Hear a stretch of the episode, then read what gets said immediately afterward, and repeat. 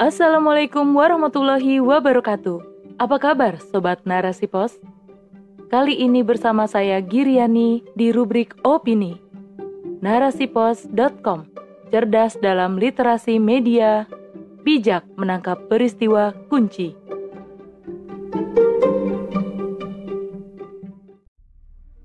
Kiblat umat kian moderat, sinyalemen tanah suci mengiblat barat oleh Iranti Mantasari BAIR MSI. Telah bersabda baginda Nabi Shallallahu Alaihi Wasallam yang diriwayatkan oleh Imam Tirmizi.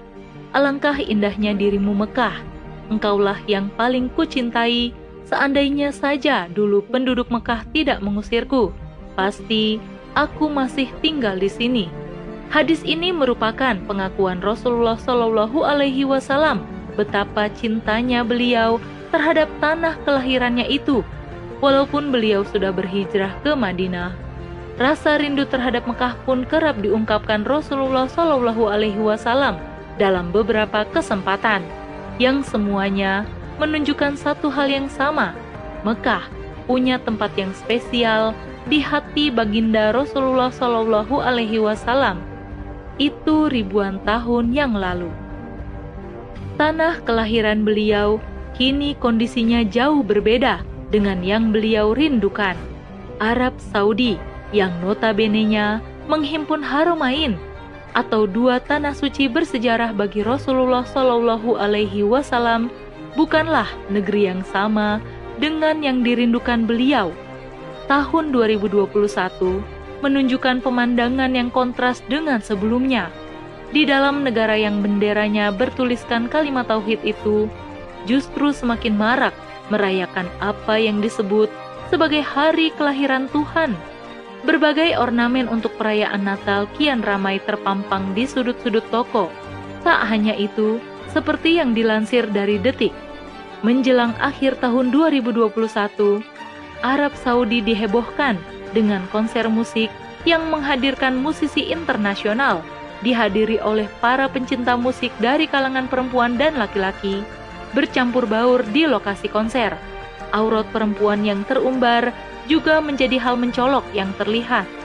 Diadakannya konser ini otomatis mematahkan stigma publik akan keketatan Saudi dalam urusan interaksi pria dan wanita sebagaimana yang selalu mereka dapatkan bertahun-tahun yang lalu.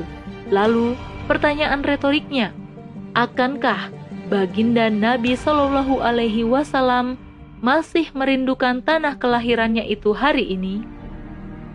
Sejak kekuasaan Saudi dipegang oleh Raja Salman, terlebih lagi berbagai sektor strategis yang dipegang oleh putra mahkotanya, yakni Muhammad bin Salman, wajah Saudi berusaha untuk dirombak secara drastis, mulai dari aspek politiknya, ekonomi, hingga sosial pergaulan pun tak lupa untuk dirubah.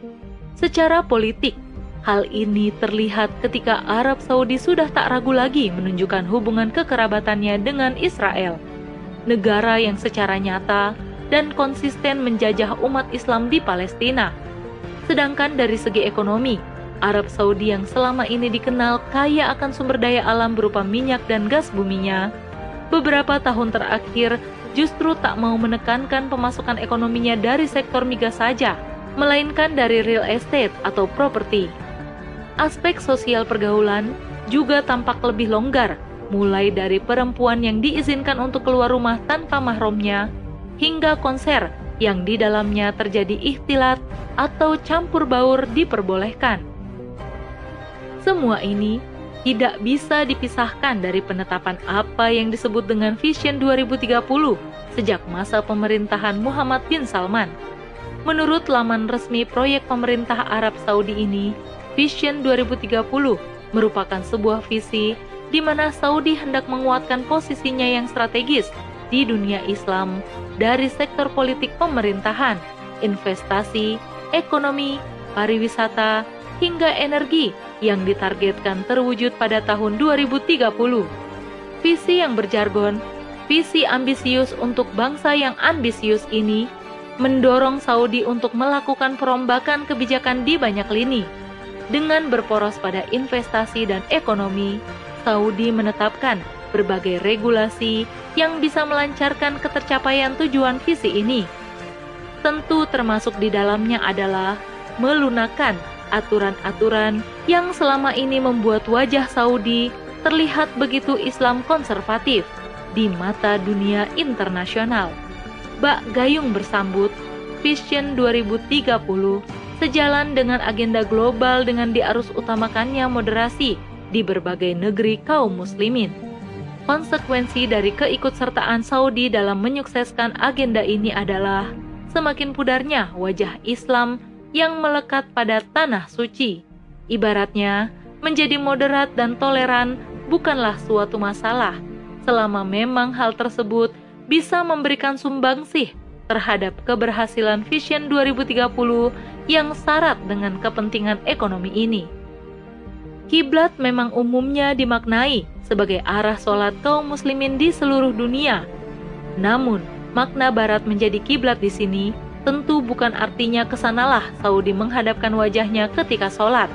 Penguatan ekonomi dan investasi yang dibalut dengan kebijakan untuk menegakkan moderasi oleh Saudi memberikan tanda yang jelas ke arah mana pemerintahan ini berjalan. Barat sebagai pihak yang secara nyata menggaungkan pentingnya melakukan moderasi agama, khususnya Islam, berusaha untuk menguatkan agendanya itu agar disetujui juga oleh negeri-negeri Islam.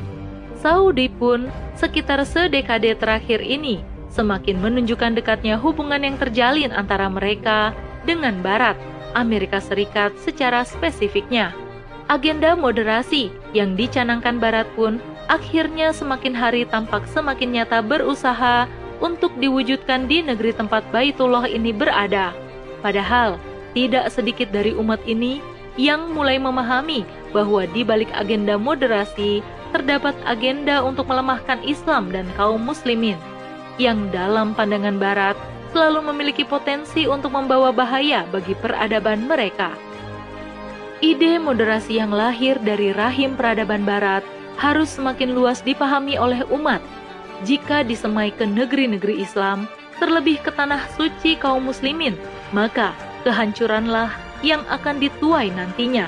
Wacana moderasi tidak akan menjadikan Saudi atau kaum muslimin secara umumnya menjadi lebih baik dalam perspektif Islam, karena implementasi agenda ini hanya akan membuat Barat senang saja.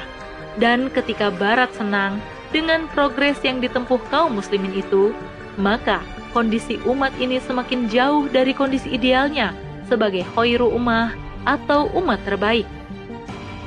Hal ini jelas terlihat ketika mereka yang disebut khodim haromain atau penjaga dua tanah suci malah bangga dengan perubahan yang didasari kepentingan duniawi belaka.